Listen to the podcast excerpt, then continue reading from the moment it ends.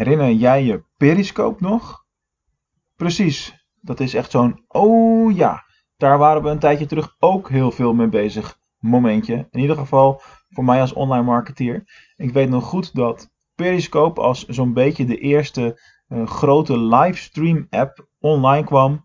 En dat er uh, een aantal online marketeers in Nederland uh, direct bovenop sprongen, mee aan de slag gingen. En ineens allerlei live uitzendingen gingen doen met leuke product- of dienstlaunches. En dat soort dingen allemaal.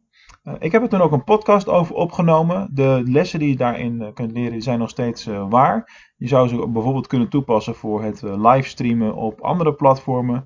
Zoals dat tegenwoordig ook bijvoorbeeld op Facebook of Instagram kan. Of in sommige gevallen ook al op LinkedIn, want die zijn er ook al mee begonnen.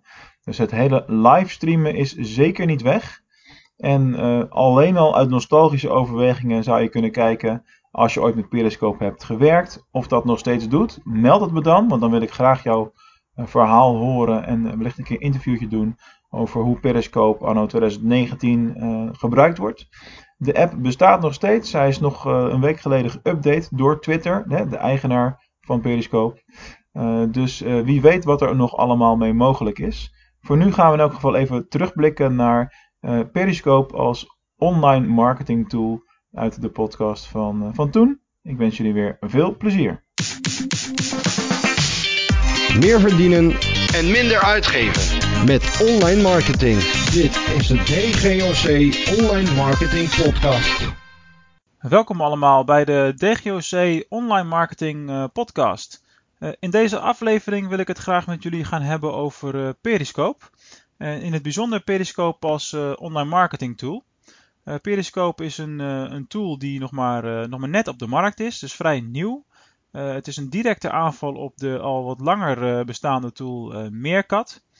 Uh, en met Periscope kun je live streamen. Dus je kunt live uitzendingen doen op het moment dat, dat jij dat wilt, waar je wilt, hoe het jou uitkomt met een mobiele telefoon. Sterker nog, jullie luisteren nu naar een podcast, maar terwijl ik deze podcast aan het opnemen was, zond ik dat ook uit via Periscope. dus zo zie je dat je dat op verschillende manieren kunt, kunt gaan inzetten. Nou, ik ben nu zelf ongeveer twee weken geleden begonnen met, met Periscope. Naar aanleiding van in eerste instantie een, een webinar van, van Elko de Boer. en toen werd ik heel erg enthousiast. Toen ben ik daarmee gaan testen. En niet veel later was er, was er weer een webinar. In dit geval van Mega Cindy. Die 14 experts had uitgenodigd om te gaan praten over allerlei dingen die je kon doen om je business te vergroten. En een van de eerste tips daarin was het Periscope gebruiken en hoe je daarmee om kan gaan. En er zit ook een training achter volgens mij van, van Ria Kaashoek. Dus kijk daar even naar. links vind je overigens terug op, op mijn blog. Wat zijn nou voordelen van, van Periscope? laten we daar eventjes doorheen lopen. Wat voor- en wat nadelen. in eerste instantie natuurlijk, Periscope is een heel spontane tool. Dus je kunt direct uitzenden wanneer, wanneer jij dat wilt dus ben je aan het wandelen met de hond of ben je ergens onderweg. Of heb je een paar verloren minuten die je nuttig wil, wil besteden. Nou, op dat moment zou je dus online kunnen gaan en kun je jou, jouw ding doen. Een tweede voordeel is dat Periscope op dit moment extreem low budget is. Dus echt een low budget marketing vorm. videomarketing wordt natuurlijk altijd gezien als een, als een redelijk dure manier van marketingbedrijven. Het is nog steeds wel kostbaar, maar op het moment dat je een, eh, een tussenstap zet met een tool als Periscope, dan ja, kun je het in feite zelfs gratis doen. Hè? Dat is eigenlijk wat wij nu ook doen. Uh, de Periscope-opname die kun je later altijd nog publiceren op YouTube of op Facebook, wat jij wil. Ik zeg niet daarmee overigens dat Periscope iets is wat reguliere videomarketing kan vervangen. Hè? Absoluut niet. Daarmee zou je dat echt tekort doen. Maar het is op zijn minst toch een hele mooie, mooie aanvulling op, op de tools die we allemaal al beschikbaar hebben. Een volgend voordeel is dat het videomarketing verplaatst naar je mobiele telefoon. Het is natuurlijk echt super dat je onderweg kan zijn en in één klap alles kunt regelen.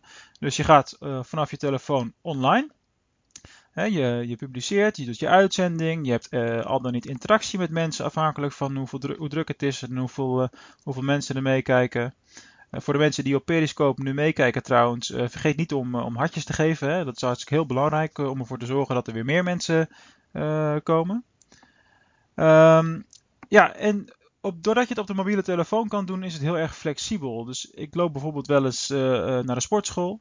Uh, dan, doe ik een, dan doe je een periscope, hè, zo noem je dat dan. En vervolgens direct daarna publiceer ik de uitzending op, op Facebook en op YouTube. en dan kunnen mensen dat ook weer later terugkijken. Dus dat zijn de, tot nu toe in mijn ervaring de grootste voordelen. Je hebt weer een nieuwe manier om publiek op te bouwen, om aan branding te doen.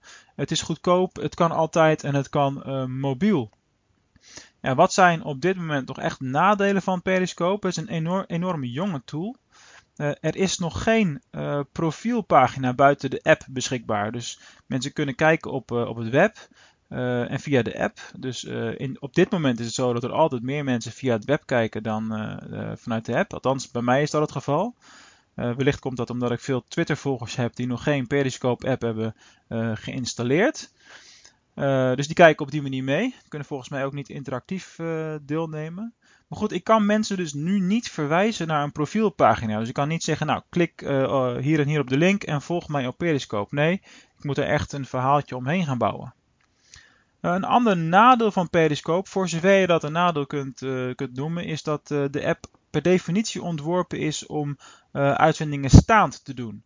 Dus je hebt je telefoon rechtop. dus dat is ook het beeldformaat op het moment dat je live meekijkt met iemand, is dat natuurlijk prima. Daar is helemaal niks uh, mis mee, want je hebt gewoon fullscreen beeld op dat moment. Uh, echter, als je achteraf je video's gaat publiceren op Facebook video en op YouTube, dan krijg je natuurlijk filmpjes uh, in een kader waar normaal 16:9 formaat gebruikelijk is. En dat ziet er gewoon niet uit. dus als je YouTube op een PC of laptop gaat bekijken, dan krijg je dat beeldformaat. En dan heb je heel erg veel zwartruimte. Nou, daar zijn, dat is wel echt een nadeel, maar er zijn wel oplossingen voor. Kijk bijvoorbeeld op mijn blog voor een, uh, een screenshot van uh, ook weer Ria Kaashoek, die daar een, een mooie oplossing voor heeft bedacht door die zwartruimte op te vullen met een mooie achtergrond en een oproep om haar te volgen. heel erg slim. Oké, dus nu hebben we wat voordelen besproken van Periscope, wat, wat nadelen besproken. Uh, maar wat kun je nu uh, in deze vroege fase qua online marketing al met, uh, met Periscope gaan doen? Want dat is natuurlijk de hamvraag. Hè? Het moet concreet zijn. Je moet er wel. Een nieuwe tool is altijd leuk, maar je wil ook niet verzuipen in het gebruik van nieuwe tools zonder dat je daar echt iets, iets nuttigs uithaalt. Ehm, nou, het is nu een paar weken aan de gang, voor, voor mij althans. En uh, zelf gebruik ik Periscope vooral om, uh, om mijn online marketing kennis te delen. Op het moment dat het mij goed uitkom uitkomt. En dat is natuurlijk een manier om aan branding te werken en om je expertstatus te verhogen. Over het algemeen ben je niet gescript op het moment dat je een uitzending aan het doen bent. Kijk, op het, voor de mensen die nu de Periscope aan het bekijken zijn, daar natuurlijk wel. Hè, omdat ik nu met een podcastopname bezig ben. Maar de mensen zien ook wat meer van jou als mens achter de ondernemer, omdat het wat spontaner is. Het is wat meer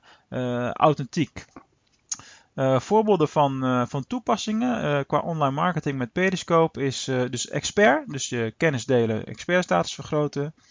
een toepassing voor een webwinkel kan zijn om Periscope te gebruiken als kanaal voor klantcontact. op mijn blog is ook een link naar de praktijkcase van, van Simio, die dat al gedaan heeft. Voor artiesten is het helemaal super. Er zijn allerlei uitzendingen van artiesten die backstage beelden delen. En je kunt allerlei concerten meekijken tegenwoordig hierdoor. Uh, voor retail, je kunt aanbiedingen communiceren die bijvoorbeeld alleen tijdens een uitzending gelden. horeca, een kijkje in de keuken. Wat wordt er nu zoal gemaakt? Ja, zo kun je vertal van andere toepassingen nog gaan, gaan bedenken. tot slot, natuurlijk een, een korte oproep om, om mij ook op Periscope te gaan volgen. Uh, dus blijf op de hoogte van mijn actuele inzichten via dat kanaal. En krijg een melding op het moment dat ik live ga. Nou, eigenlijk hoef je maar twee dingen te doen om dat voor elkaar te krijgen. Uh, ten eerste voor de podcastluisteraars, uh, download Periscope, de app op je mobiele telefoon. Nu verkrijgbaar voor zowel Android als, als iPhone. En zoek even naar @dgocnl om mij, om mij te volgen. Dan tot slot nog, toch nog een allerlaatste tip. Op LinkedIn is er inmiddels een Periscope Business Club opgericht. En uh, ik raad je aan om die op te zoeken en je daarbij bij aan te sluiten. Zodat we met elkaar de kennis kunnen gaan delen over deze mooie tool. En daar ook weer het maximale uit gaan halen. En tot zover deze podcast aflevering. En graag tot de volgende keer.